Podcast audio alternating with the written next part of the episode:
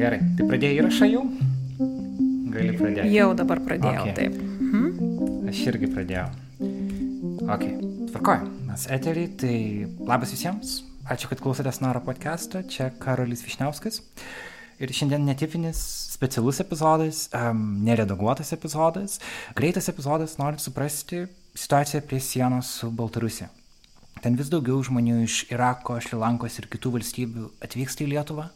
Dalis jų neturi dokumentų ir stebint iš šono atrodo, kad yra daug sumaišties, kaip šitos žmonės pasitikti ir ką apskritai pilietinė visuomenė, ką mes galim daryti, kad, kad jų sąlygos būtų geresnės. Ir žmogus, kurio šiandien kalbėsiuosi, yra Eglė Samuchovaitė. Eglė yra Raudonojo kryžiaus programų vadovė ir Raudonasis kryžius yra organizacija, kuri stebi situaciją prie sienos ir stengiasi padėti ten atvykstantiems žmonėms. Tai labas Eglė, labai ačiū, kad skiri laiko prisijungti. Tu dabar įtemptas dienas turi šitom, šitom dienom įsivaizduoji. Labas Karol ir klausytojai. Taip, tikrai vasara tikrai visom prasmėm yra karšta, situacija tikrai nėra eilinė. Tai turim darbo tiek stebėdami, bet tiek ir reaguodami į humanitarinius poreikius ten, kur labiausiai matom, kad nesuspėja valstybė. Mhm.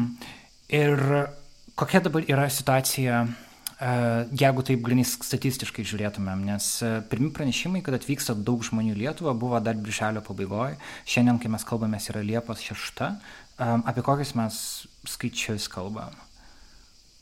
Tai jeigu taip skaičiuojant e, 21 metų statistiką, tai valstybės sienos apsaugos tarnybos duomenimis į Lietuvą e, šiais metais atvyko 1363 žmonės. E, Praktiškai visi jie atvyko neteisėtų būdu. Tai iš tikrųjų yra susiję ir su tuo, kad Baltarusija yra uždariusi tas sienas ir žmonėms tiesiog ir nelieka kito teisėto būdo į Lietuvą atvykti. E, Tai gal dar tokį svarbu paminėti dalyką, kad jeigu mes per pirmosius penkis mėnesius buvom sulaukę 400 žmonių atvykusių, tai jau vien tik per birželį sulaukėme dar virš 400, o Liepos pirmosios keturios dienos, penkios jau skaičiuojame dar 677 žmonės. Tai tas žmonių skaičiaus augimas yra akivaizdus, eksponentinis. Jeigu kalbėtume apie iš kokių kilmės šalių žmonės prisistato, nes tikrai nemaža dalis žmonių atvyksta be kilmės mm, dokumentų, turiu mintį be paso, bet tai, kokias jie kilmės valstybės nurodo, tai vis dar didesnioji dalis yra Irako piliečiai, tai yra kurdai, maždaug apie 600 žmonių. Taip pat e, ypatingai Liepa pradėjo eiti žmonių srautas Afrikos valstybių, tai yra Kongo, Kamerūno, Gvinėjos. Tai vad to, tokie iš tokių šalių atvyksta iš tiesų žmonės. Ir kaip jau minėjau, tikrai ta situacija, na žinoma, kad yra įtempta, tai dar ir dėl to, ir dėl, ir dėl valstybinių pajėgumų, ir dėl nevyriausybinių organizacijų pajėgumo, tai yra neįlinė situacija ir iš tikrųjų tikrai na, stengiamės jau dabar reaguoti į tuos pagrindinius dalykus, į ką galime sureaguoti ir na, padaryti viską, kad ir valstybei padėt, bet kartu ir stebime situaciją, nes viena iš mūsų veiklų yra ir na, stebėti ir dokumentuoti atvejus ir visgi teikti tas rekomendacijas, kur mes matome jau tam tikras ir probleminės rytis. Mhm. Ir vardant tikslumo, kokie tai žmonės yra? Ar tai atvyksta šeimos, atvyksta vaikų be abejo yra dalis, e, jeigu suprasti, kaip, kaip pasiskirsta, sakykime, amžiumi, lietimi. Mhm. Tai vėlgi dabar gal nekomentuosiu to, kas buvo iki birželio, nes tikrai srautų padidėjimas stipriai siejasi ir su lėktuvo nutupdymu Baltarusijoje ir ta prasme tas padidėjimas žmonių atvykstančių tikrai, na, turi kažkokį sąryšį ir su tais įvykiais. Tai vien kalbant apie birželį, birželį mes turime tokią statistiką, kad iš atvykusių 435 žmonių 28 procentai buvo vaikai, 35 procentai buvo moterys. Tai iš viso 63 procentai visų atvykusių žmonių yra vaikai arba moterys. O kai sakai vaikai, tai yra iki 14 metų? Įvairaus amžiaus mhm. vaikai. Mes taip pat mhm. turime ir kas irgi visai pakankamai nauja Lietuvos kontekste, mes anksčiau neturėdavome itin didelių arba didesnių skaičių nelydimų nepilnamečių. Tai dabar irgi tokių žmonių yra, jų dar nėra, na, šimtais, bet tikrai didesni skaičiai negu būdavo anksčiau. Tai yra ir atskirtų mhm. vaikų atvykstančių, kurie apgyvendinti pabėgėlių prieimimo centre. Tai maždaug pusė atvykstančių žmonių yra vaikai arba moterys, netgi didesnė dalis, ar ne? Taip, tai čia birželio mėnesio statistika. E, Liepa, kaip jau minėjau, truputį tas rautas pasikeitė ir mes turim tokių na, jauno amžiaus m, iš, m, sakykime taip, Afrikos šalių, įvairių Afrikos šalių, jauno amžiaus a, a, vienišų žmonių labiau, turiu minti ir, ir moterų, ir vyrų, a, truputį dėl šitų a, didelių skaičių atvykstančių žmonių na, nespėja pasieniečiai ten ir tos tinkamai apibendrinti statistikos ir pasidalinti su raudonuojami kryžiumi, tai dar neturiu tokios galutinės statistikos, bet ten tikrai daug mažesnis jau skaičius, turiu minti, na, vaikų praktiškai ne, nėra, ar ten tik keli ir labiau vat, jauno amžiaus, jauno amžiaus iš skirtingų Afrikos šalių atvykstantys žmonės.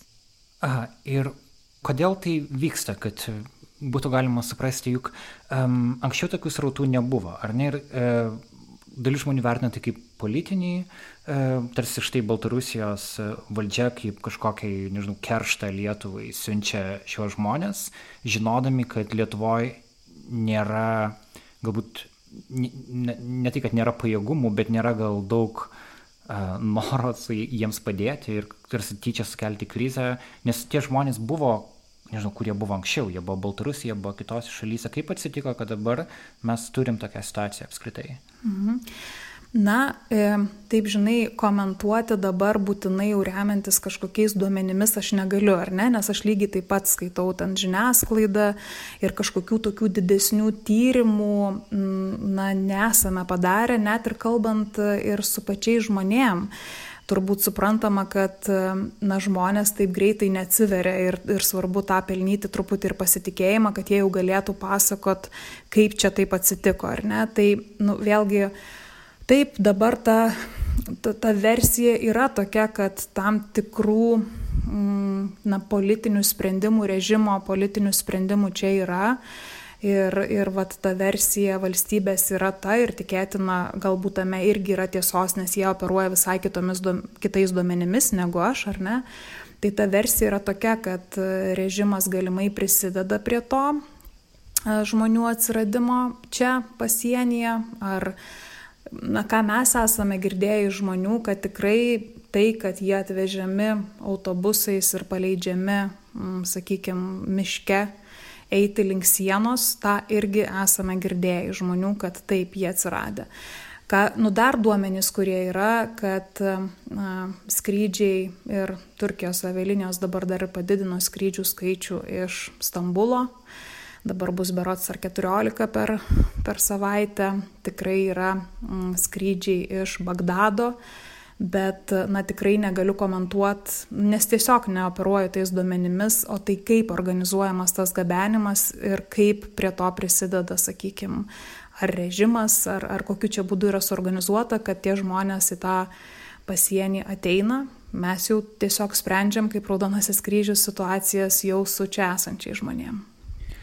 Tai būtent, kad, kad ir kokios būtų priežastys, faktas, kad žmonės yra čia e, Lietuvoje ir na, mūsų kaip e, bendruomenės pareiga yra kažkaip jiems, uh, jiems padėti. Ir kokios tos realios sąlygos yra, mes matėm žiniasklaidoje ties nuotraukų, kad žmonės apgyvendinami palapinėse ir kad uh, savivaldybės, kai kurios tarsi sako, kad gali suteikti ten karantinui laikotarpį, pavyzdžiui, mokyklose, kitose vietose, bet tokiam ilgalaikiam žmonių, na, kažkokios ilgalaikiškesnės vietos užtikrinimui gyventi, atrodo, kad, kad tarsi nėra kur, jeigu aš teisingai suprantu, kur, kur, kur tie žmonės dabar yra. Mhm. Tai čia kelis dalykus turbūt irgi reikia paminėti, kad, na, turim suvokti, kad e, skaičiai nėra eiliniai. Nu, tiesiog žmonių skaičius, kurie atvyko, yra neįlinis e, tiems pajėgumams, kuriuos mes turėjom. Ir čia apie pajėgumus kalbant tiek apie pasieniečių pajėgumus padaryti ten tuos pirminius veiksmus e, pasienio kontrolės punktuose arba užkardose, tiek ir apie migracijos departamentą, kuriam jau toliau tenka nagrinėti ir prieglapšio prašymus. Tai kiek mano žiniomis aštuoni tik darbuotojai migracijos departamente anksčiau nagrinėdavo bylas, na tai puikiai suprantam, kad tie pajėgumai turėti, pajėgumai yra tikrai nepakankami, efektyviai ir greitai reaguoti. Nes kiekvienas iš tų žmonių yra tarsi atskira byla, ar ne? Kiekvienas jų atvykimas į Lietuvą, ypač jeigu tu neturi uh, dokumentų, tu tu esi traktuojamas pradžioje kaip nusikaltelis, ar ne? Čia kelis klausimus iš tikrųjų uždavė, tai, tai truputį pasistengsiu juos dekonstruoti, ar ne. E, pirmas dalykas, mhm. jeigu e, neteisėtai kerti sieną, ketindamas kreiptis dėl prieglopščio, iki teisinis tyrimas dėl neteisėtos sienos kirtimo tau nėra pradedamas tu tiesiog tau pradedamos prieglapšio procedūros, tai yra atliekamos pirminės apklausos ir po pirminių apklausų tavo turėti dokumentai, jeigu tokius turėjai, ir tas vat, apklausų rezultatas yra siunčiamas migracijos departamentui kuris ir aiškinasi, ar prieglopšio motyvai pakankami nagrinėti bylą iš esmės, tai yra, na, jau detaliau ir organizuoti ir apklausą, ir rinkti kilmės valstybės informaciją ir panašiai Arba jeigu jau iš tų pradinių duomenų yra aišku, kad na čia ne prieglopščio pagrindai yra, ar ne, nes žmogus neįvardina ten grėsmių kylančių arba įvardina kitas priežastis, kodėl jis atvyko. Tai tuomet tokie prašymai nagrinėjami skubos tvarka, e, ir jau ten taip stipriai nesigilinant į aplinkybės, nes tų aplinkybių tiesiog prieglapščio nėra. Tai ką dar čia reikia paminėti, kad na, sulaikymo klausimas gali būti sprendžiamas ir prieglapšio prašytojai iš tiesų gali būti Lietuvoje sulaikomi Ir yra tokie pagrindai, kaip pavyzdžiui siekiant nustatyti tapatybę. O dabar didžioji dalis žmonių iš tikrųjų atvyksta be dokumentų. Tai jau vien šito pagrindo iš esmės užtenka bent tam tikram laikotarpiu sulaikyti ir prieglapščio pasiprašiusi žmogų. Arba, na, nustatinėti jo prieglapščio motyvus. Arba galbūt yra kažkoks pasislėpimo pavojus, ar ne, kad žmogus keliaus toliau kaip pavyzdys. Tai tų aplinkybių jų yra nemažai, e, į kurias atsižvelgiant na, tų pagrindų, kodėl žmonės gali būti sulaikomi, tikrai ir mūsų įstatymuose yra. Kas čia yra labai svarbu, kad tai netaptų mm, na, tokiu masiniu reiškiniu, kad masiškai sulaikinėjame, nes vis tiek sulaikimas sprendžiant turi būti nagrinėjami individualiai atvejai ir būtinai turi būti žiūrima, ar tikrai vat, tokia kraštutinė priemonė kaip sulaikimas yra būtina. Na ir dar kas svarbu, turi būti labai aiškiai na, turimi duomenys ir apie žmonių situaciją ir jų pažeidžiamumą. Nes dabar tikrai yra ir užsieniečių registracijos centre yra sulaikytų ir šeimų, ir vienišų moterų, ir moterų turinčių sveikatos problemų ir panašiai. Tai, na, tai iš tikrųjų kelia tų klausimų, tai kaip buvo išnagrinėta byla ir kaip nebuvo atsižvelgta į tokio lygio pažeidžiamumus ir ar iš tiesų tokius žmonės reikia laikyti sulaikytus. Tai čia daug dabar dalykų pasakiau, bet tos tokius pradinius, kuriuos norėjau norėjau įvardinti vat, būtent tau palietus tą, sakykime, nusikalstamumo arba sulaikymo žmonių klausimą, truputį detalizuoti mhm. juos. Aha. Tai tarsi išvada ta, kad ne kiekvienas atvykęs žmogus automatiškai yra na, nusi, nusikaltęs, kas gali atrodyti iš galbūt žiniasklaidos pranešimų, kad tas terminas nelegalus migrantai tapo visur vartojamas, tarsi šitie žmonės atvyksta ir automatiškai yra nelegalūs. Tai kad tu sakai, kad kiekvienas atvejis yra atskiras ir reikia ir, ir na, tokio kažkokio kaltumo prezumcijos ne, negalim čia turėti. Na, matai, tas atvykimo būdas yra teisėtas ir neteisėtas, ar ne, bet kalbant apie žmonės, kurie vyksta kreiptis dėl prieglopščio, gali būti tokių situacijų, kad žmogus na, neturi dokumentų dėl persekiojimo ir dėl to jam vienintelis būdas, pavyzdžiui, yra atvykti be dokumentų. Kita vertus, nebūtinai kiekvienas žmogus, kuris prašosi dėl prieglopščio, turi rimtus motyvus. Bet čia vat ir yra tas prieglopščio teisės subtilumas, kad jeigu mes pradedame tuos visus klausimus spręsti konvejeriu ir masiniais principais, mes tikrai galime išsiųsti žmogų tą, kuris iš tikrųjų bėgo nuo persekiojimo, bėgo nuo kažkokių žmogaus teisų pažeidimų.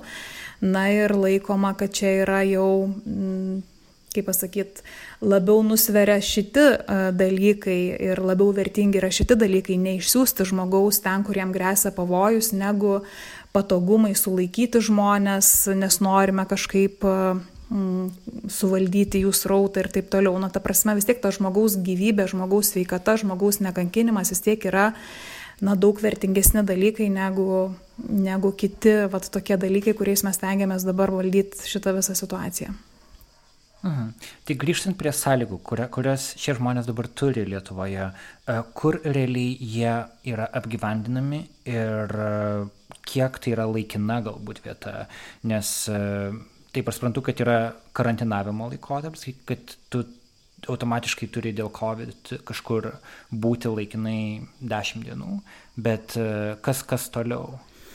Taip, čia yra pats svarbiausias, iš tikrųjų ir aktualiausias ir daugiausiai iššūkių keliantis klausimas dabar, nes e, centrai, tie prieimimo centrai, vadinkim, ir tos vietos, kuriuose paprastai būdavo apgyvendinami prieglapšio prašytojai, tai yra užsieniečių registracijos centras Pabradėje, tai yra pabėgėlių prieimimo centras Rūkloje, tai yra jies nesantis šeimos paramos centras, jie visi jau yra pilni. Tai Dabar iš viešosios erdvės irgi matau, kad sprendimas yra bendradarbiauti su savivaldybėmis ir dabar yra bent kelios pietų Lietuvos savivaldybės, tokios kaip Lasdyjai, Alitus, Varena, taip pat ir Ignalina yra atsiliepę ir suteikia tam tikras patalpas, dažnu atveju tai yra arba veikiančios, arba neveikiančios mokyklos Ir e, na, komunikacija viešoje erdvėje yra tokia, kad lyg ir bendradarbiaujama su savivaldybėmis e, tam, kad karantinuoti žmonės ir sudaryti va, tas savizolacijos sąlygas toms dešimčiai dienų būtent tose patalpose. Bet lygiai taip pat ir mano tas klausimas pagrindinis irgi yra valstybei, kad kaip, na, kokis, kokio statuso tie žmonės ilgainiui bebūtų, ar tęstųsi prieglapšio procedūros, ar jie gautų neigiamus sprendimus, ar jie iš tikrųjų prieglapšio ir nepasiprašytų ir būtų tiesiog laukiantis gražinimo į kilmės valstybės, na jų apgyvendinimu, jų higiena, jų maitinimu, saugumu, informavimu, na mes norim ar nenorim vis tiek turėsime rūpintis. Ir žiūrint į tą ilgalaikę perspektyvą, ypatingai atsižvelgiant į tai, kad iš tiesų žmonės atvyksta be dokumentų, vadinasi, net jeigu ir valstybė turi įsivaizdavimą, kad e, na, mes imsimės juos visus gražinti į kilmės valstybę, tiesiog reikia suvokti tai, kad šitie procesai irgi greitai nevyks. Jie paprastai užtrunka, nes reikia gauti dar ir na, kilmės valstybės patvirtinimą, kad tai yra to šalies pilietis, tada išduota vėl jam kelionės dokumentą ir tik tai tada yra organizuojamas to žmogaus gražinimas į kilmės valstybę, iš kuris atvyko. Tai čia vienokiu ar kitokiu atveju yra būtina spręsti ilgalaikėje perspektyvoje, kur apgyvendinsime ir kaip užtikrinsime tuos vat, pagrindinius dalykus, apie kuriuos aš kalbėjau ir aš kol kas tiesą pasakius to plano nematau. Mhm. Tai pačių žmonių, kiek bandžiau suskaičiuoti pradžioje, kaip tu minėjai, atvykusius žmonės yra virš, virš tūkstančio, ar ne, kurie nuo, nuo birželio pabaigos atvyko. Um, jų niekada nebuvo tiek daug per tokį trumpą laiką. Kita vertus, jų vis tiek nėra kažkaip ypatingai daug, ar ne? Ir atrodo, Lietuvoje užtenka, na, yra daug vietos, yra daug erdvių, kurios e, ypač karantino metu nėra, nėra naudojamos. Tai galbūt tiesiog įdomus tavo žvilgsnis iš šono, e, ar čia yra problema, kad mes neturim resursų, ar problema, kad galbūt niekas iš tikro nenori per daug veltis į šitą reikalą ir, ir, ir to rezultate tie žmonės palikti laukime. Čia labai geras klausimas. Aš galvoju, bendrai vertinant nuostatas pabėgėlių atžvilgių, na tai jos irgi nestebuklingos Lietuvoje yra ir pastarai dešimtmetį jų labiau daugiau, daugiau neigiamos jos yra negu, negu teigiamos. Naratyvas apie grėsmę tikrai neprisideda prie to, kad na, bendruomenės bus linkusios priimti, nes tikrai turbūt randasi ir tų baimių, ir saugumo baimių, akcentavimas tas, kaip mes čia pasirūpinsime mm, na, tuo saugumu tiek visuomenės, tiek nevatų žmonių, tai jis tikrai iš karto kelia, tai vadinasi, reikia dėl kažkokių priežasčių mm, tuo saugumu rūpintis ar ne, ir, ir, ir tas tikrai ke, gali kelti tam tikras baimės. Uh, na, man atrodo, ir tos valdybės, kaip čia pasakyti, reaguoja ir į tas bendruomenių nuotaikas ir nuostatas, nes kiek ir pakalbinami tie vietiniai gyventojai, jie ten netrokštai ten kaiminystai turėti, turėti apgyvendintų pabėgėlių. Mm, tai aš manau, kad čia susideda visi šitie aspektai, kiek ten vertinti dabar, kiek tų galimybių yra ir kiek tų pastatų, pavyzdžiui, savivaldybės turi, tai aš tikrai nesimsiu. E, man atrodo, kiek girdėjau, iki rydienos turi visos savivaldybės pateikti mm, ministerijai informaciją apie tai, kur galėtų apgyvendinti bet man atrodo, jeigu tie skaičiai ir dar labiau auks, na tai manau, kad tos savivaldybės, mes niekur nedingsim nuo to, kad savivaldybės turės labiau įsitraukti. Ir aš netgi turbūt būčiau linkusi manyti, kad ir ilgalaikiškesniam apgyvendinimui, nes na, aš tiesiog kitos versijos nematau, ypatingai dar atsižvelgiant, kad ateis ruduo, ateis jau visos mūsų klimatinės sąlygos tokios, kur tu negalėsi spręsti apgyvendinimo klausimų palapinių miesteliuose. Vadinasi, tai tikrai turės būti, mano supratimu, arba tie moduliniai nameliai, ar konteineriniai nameliai, arba kažkokios išnaudojamos patalpos ten, kur galima žmonės apgyvendinti ir suteikti va tos pagrindinius dalykus, ką aš minėjau anksčiau. Tai mano nuomonė, taip, dabar pradžia tokia yra vangiai, bet aš manau, kad ta situacija skaluosis taip, kad e, tiesiog turėsime tą spręsti klausimą ir, ir, ir tiesiog turės būti labiau įsitraukęs savivaldybės, mano supratimu. Mm. Tai siekiant padėti klausytojams geriau suprasti uh, pačių žmonių situaciją, tarkim, galim viską uh, pasitelkti, pavyzdžiui, vienos šeimos pavyzdį. Tarkim, jeigu, nežinau, paimkime, irakiečių šeima atvykusi į Lietuvą štai šituo metu per Baltarusijos sieną, uh, kur jie daugiausia šansų, kur jie šiuo metu yra? Tame palap, specialiai naujai pastatytame palapinių miestelį, ar ne? Šeimos labiau, sakyčiau, yra apgyvendinamos pastatuose, palapinių miestelis vis dar yra e, apgyvendinamas viengungių vyrų. Mhm. Tai tai gali būti arba užsieniečių registracijos centro, na, tie bendrabučiai, pavadinkim taip, pažydžiamų žmonių pastatas pastatytas. Tai gali būti pasieniečių mokykla, kuri iš pradžių buvo lyg ir orientuojamasi, kad joje bus karantinuojami žmonės tos dešimt dienų, bet atsitikus taip, kad tiesiog nėra nėra kur apgyvendinti žmonių, dalis žmonių tikrai liko ten ir gyventi ilgesniam laikui, tai ten irgi yra, yra šeimų gyvenančių.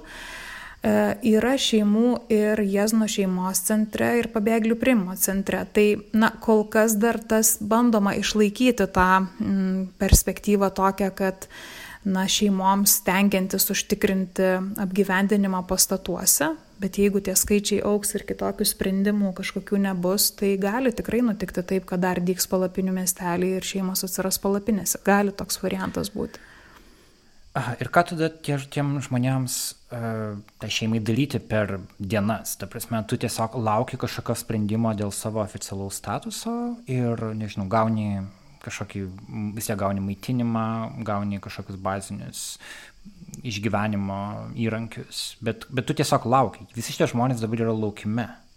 Taip, tikrai taip. Ir čia irgi yra uh, Du tokie pagrindiniai aspektai. Vienas, va tas nepakankamas informavimas žmonių suprantama kalba, kur ir mes tą pakankamai greitai identifikavom ir jau dabar m, tiesiog Raudonajame kryžiuje esame pasamdę e, vertėjų, bent tris kurdų vertėjus, vieną araba kalbį vertėją, na ir vėl reaguosim į situaciją ir matysim, nes tą frustraciją ir nežinę tikrai kelia vien elementarios informacijos neturėjimas, ar ne, ne tik e, teisinės konsultacijos, bet ir informacijos, kas čia vyksta, kas čia per procedūros, kokios čia kortelės išduodamos, kodėl aš negaliu išeiti, kada aš karantinuojamas kažkur, nes gal tam pavyzdžiui nustatė COVID atvejį ir dabar turiu izoliuotis. Nu, ta prasme, tas bendrų tokių dalykų ir informacijos pateikimas yra itin svarbus, nes nesant tos informacijos, na, kaip pasakyti, nu, žmonėms tikrai kyla ir pyktis, ir nerimas, ir visos kitos emocijos, nes tu tiesiog nesupranti, kas su tavim. Mm.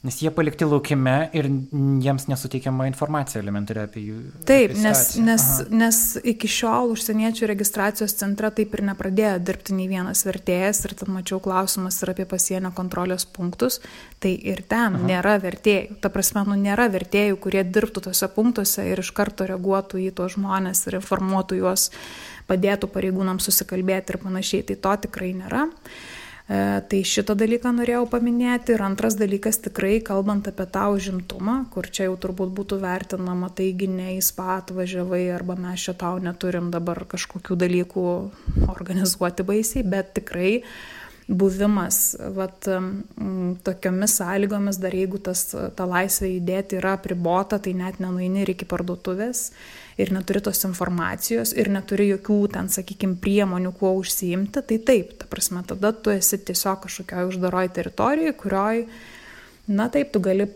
kalbėti su ten esančiai, žinai, žmonėm, bet daugiau tu jokių, jokių kitų dalykų ten labai nuveikti ir nebūtinai gali. Tai va. Mhm, mhm.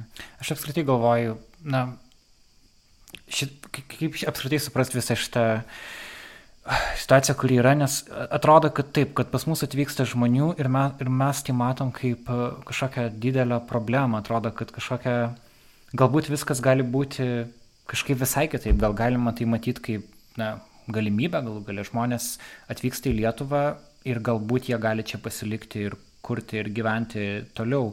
Ir mes kaip visuomenė kažkaip gal irgi galime padėti, e, kažkuo būti naudingi, kad svetingiau juos priimtumėm, ar ne? Tai ir vienas iš klausimų, kurį mūsų Patreono grupėje uždavė Akvilė Kriščiūnaitė, e, klausytos vardas, jis sako, jeigu dar ne per vėlų, ką kiekvienas iš mūsų e, galime padaryti, kad būtų apsaugotos migrantų teisės ir pasipriešinta grėsmės retorikai. Kiek savanorių įstraukia, ar jų pakanka? Gal tikrai dabar žmonėms yra geras metas kažką daryti, ar su Raudonojo kryžiu, ar su kitom organizacijom?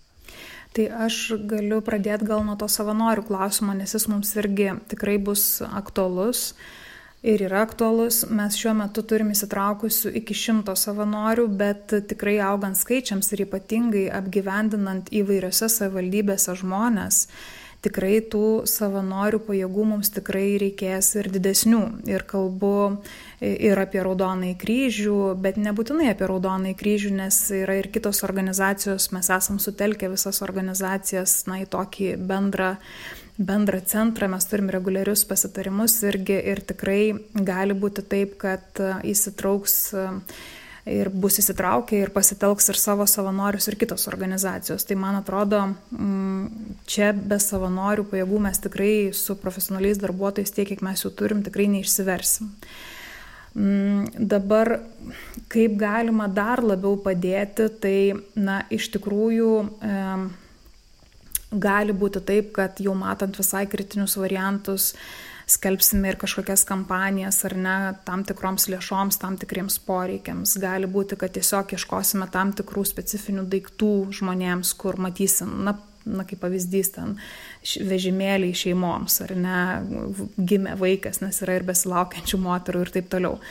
Tai tiesiog, na, sekti, sekti tą ir mūsų, ir Facebooką, ir puslapį, turiu mintį, nes tikrai bus situacijų, kai mes neturėsime arba lėšų arba pajėgumų ir tam tikrus daiktus gauti ir panašiai. Tai va, o į savanorystę tikrai kviečiu įsitraukti, nes, na, kokias tas veiklas, dabar jau mes esame pasitelkę savanorius į kokias veiklas, kad truputį geriau suprasti, tai ten, kur jau žmonės na, gyvena po karantino, nes reikia dar nepamiršti, kad yra ir ta pandeminė situacija, testavimai, izoliavimai ir taip toliau. Tai ypatingai užsieniečių registracijos centre mes praktiškai kiekvieną vakarą turime savanorių grupę, kuri užsijima organizuoja vaikams užimtumą tiek tiems, kurie yra sulaikime, tiek tiems, kurie yra nesulaikime. Tai va įvairios priemonės, vaikams žaislai, yra aktualu ir galima ten tiesiog vykti, turime ir, ir turim ir leidimą ir viskas tvarkoja ir organizuojamės tai ir užseimam.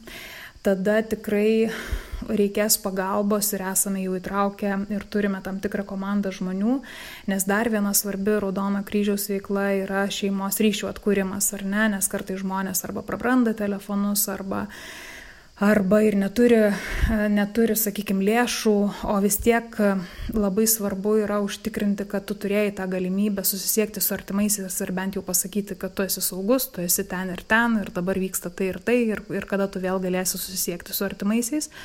Tai čia mes irgi organizuojame tuos skambučius namo, turiu minti, kad galėtų pranešti savo artimiesiems ir į tą irgi esame įtraukę savanorius. Na ir į visą humanitarinės pagalbos dalinimą. Ta prasme, arba pristatymą į konkrečius pasienio kontrolės punktus, jeigu tai yra labai specifiniai m, kažkokie poreikiai, na, sakykime, pampersai vaikams arba medikamentai kažkokie, arba ramentus vežiam po vieną kartą, nes vyras tiesiog, ta prasme, turėjo negalę ir, ir ir kažkokiu būdu pasiekė pasienį neturėdamas, neturėdamas tų ramentų. Tai, na, va, tokios veiklos, kur gali prireikti tiesiog rankų ir mhm. mes tikrai rūpinamės ir pačių savanorių saugumu tikrai vyksta ir instruktavimas, ir parengimas jų, ir atkreipimas dėmesį į tam tikrus dalykus. Na, žodžiu, tai parengiam ir, ir, ir tikrai yra jau prisijungusių, bet tikrai kvieščiau tuos, kurie nori padėti, tai tikrai, tikrai reikės, nes aš manau, kad jeigu dar auks skaičiai, tai tiesiog skirtingose savivaldybėse tie žmonės bus apgyvendinti ir ten irgi na, reikės pagalbos tiesiog pasirūpinant tais pagrindiniais dalykais žmonių.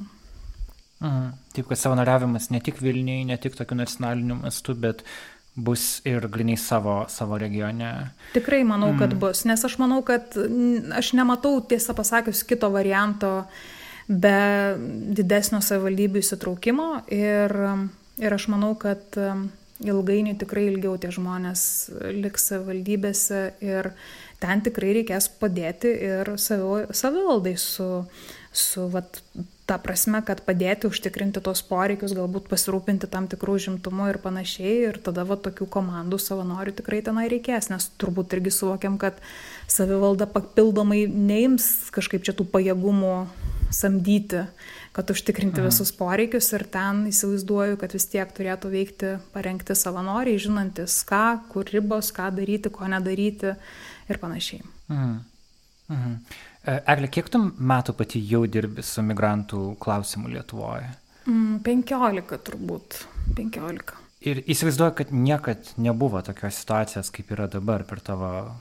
Karjerą, per tuos ne? 15 metų tikrai ne, bet uh, prisimenant, na, po 97-6 metų, kai buvo ratifikuota pabėgėlių konvencija, tai tikrai žinau, kad buvo nemažas rautas Afganistano piliečių ir tikrai žinau, kad irgi buvo peržengę tą tūkstantį, bet aš manau, kad tas tūkstantis buvo na, maždaug skaičiai, sakykime, per metus, ar ne, ir, ir jis A. vėliau neužaugo.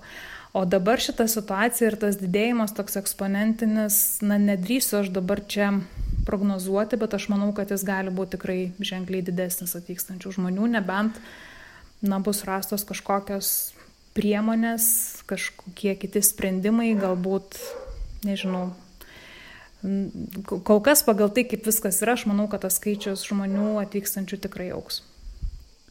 Mhm. Tai uh, sprendžiant iš tavo ankstesnės patirties, kaip tu manai, koks yra, sakykime, žinai, best case scenario ir worst case scenario, kas gali būti, ka, ka, ka, kaip viskas vystys toliau ir koks yra optimistinis variantas ir pesimistinis tavo pačios akise šiuo metu? Na, ko norėtųsi išvengti? Norėtųsi išvengti masinio žmonių sulaikymo, ir tos laisvės judėti apribojimo, mm, nes man atrodo, kad tas masinis sulaikimas iš tikrųjų nevertinant, kiek, kiek pagrįsta žmonės laikyti sulaikymę, jis automatiškai ir ypatingai iki galo nepasirūpinant humanitariniais poreikiais arba neužtikrinant tos teisės į informaciją, iš tiesų gali vėliau virsti visai kitokio lygio mm, problemomis, ar ne? Nes ir dabar jau truputį yra signalų ir, ir savižudiškų minčių žmonės turi. Na tiesiog, kad ta situacija gali eskaluotis laikant sulaikytų žmonės be informacijos ir be na, nuvertinus tos humanitarinius poreikius, jinai gali tapti dar labiau įtempta ir čia turbūt būtų tas visai pesimistinis scenarius, kada mes turim grupę žmonių, e, jų poreikius nuvertiname ir tada dar tą kylančią jų frustraciją naudojam prieš juos pačius, kaip neva, na, jie čia kažkaip nežino patys, ko nori. Tai va šitas scenarius yra labai pesimistinis optimistinis scenarijus na kažkaip efektyvinti ir tas procedūras turiu minty vis visomis prasmėmis nes iš tikrųjų gali būti tarp tų žmonių atvykstančių ir ne nebūtinai turinčių tuos pagrįstus motyvus bet tada vadinasi na procedūros turi veikti pakankamai efektyviai ir greitai ir na vieni prašymai eiti tuo keliu, nagrinėjant bendrą tvarką ir individualiai ir skiriant tam pakankamą dėmesį, na ir kiti prašymai turi eiti tuo keliu, kitu keliu, stengiantis išsiaiškinti žmonių situaciją, statusą, priežastis, na ir jau vėliau organizuojant tą jų gražinimą arba pasiūlant tą savanorišką grįžimą su tartautinės migracijos organizacija ir panašiai. Tai čia labai svarbu na tikrai didinti tuos pajėgumus maksimaliai, nes pajėgumų nepadidinus, tai čia mes tą butelio kakliuką pasieksime labai greitai, jeigu dar jo nepasiekėme. Tai šitas labai svarbu ir kitas dalykas, na tikrai siūlau svarstyti tuos ilgalaikius sprendimus, ką ir minėjau jau anksčiau dėl to apgyvendinimo ir galvoti apie tas na, paslaugų teikimą, pirmiausia informa, informavimą žmonių, bet ir reagavimą į, pavyzdžiui, sveikatos dalykus, nes tikrai ir tarp atvykstančių žmonių ir dabar jau yra, kaip jau minėjau, ir su tam tikromis negaliomis. Yra žmonės skundžiasi stuburo skausmais, inkstų skausmais, ar ne, yra besilaukiančių moterų, kuriuoms tikrai reikia patekti pas gynekologus, ar ne. Tai yra tų tokių sveikatos dalykų, na, į kuriuos turime reaguoti, o ne tik apgyvendinom, davėm čiužinį ir uždarėm ir tiek žinių. Tai kažkaip norisi, kad ir, ir savivaldybės irgi suprastų tai, kad tos paslaugos yra svarbios. Ir antras dalykas - saugumu žmonių pasirūpinti, nes ir apgyvendinant žmonės labai svarbu tikrai tą atskirimą daryti, tą šeimų privatumą užtikrinti, bet ir neapgyvendinti, pavyzdžiui, vienoje erdvėje vienišų moterų, vienišų vyrų, nu, ta prasme tiesiog pasirūpinti tuo saugumu, nes na yra didelis srautas žmonių ir tikrai tokiose situacijose iškyla įvairių situacijų, kur tas žmonių pažydžiamumas tampa dar didesnis tiesiog nesudarius tų sąlygų tokių, kokios jos turėtų būti pagal tuos visus standartus. Tai aišku, nėra lengva iš tikrųjų prognozijas tas daryti, nes kaip ir pats klausai, ar per 15 metų tokią patirtį aš turėjau, tai tikrai neturėjau. Uh, Bet, bet turbūt vat, taip aš apibūdinčiau tuos, tuos scenarius ir labai tikiuosi, kad tie sprendimai rasis. Pirmiausia dėl apgyvendinimo galimybių, o vėliau ir visi kiti. Ja, skamba kaip toks iš tikrųjų išbandymas Lietuvai ir tikėkime, tikėkime kad, kad kažkaip pavyks jį išlaikyti ir jo žinutė dar kartą žmonėm, kas, jeigu norit savanoriauti, atrodo, kad dabar yra geras geras metas e, pabandyti. Tai sėkmės tau, Eglė, stiprybės tau ir tavo komandai dirbant ir labai ačiū, kad radai laiko prisijungti. E, iki kitų kartų. Ačiū, Karlai, iki.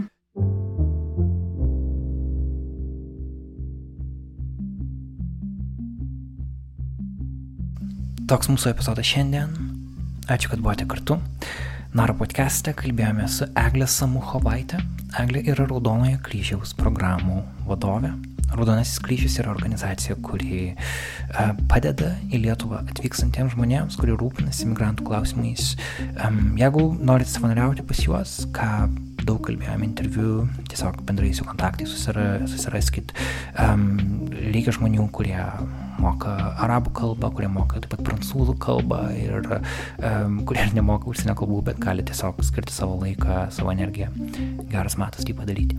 Mūsų podcastą galite palaikyti adresu patreon.com slash naralt. Um, ačiū visiems, kurie tai daro. Ir ką šiandien, matyt, kol kas tiek. Sakam, situacija toliau. Mano vardas yra Karolis Višnauskas. Iki.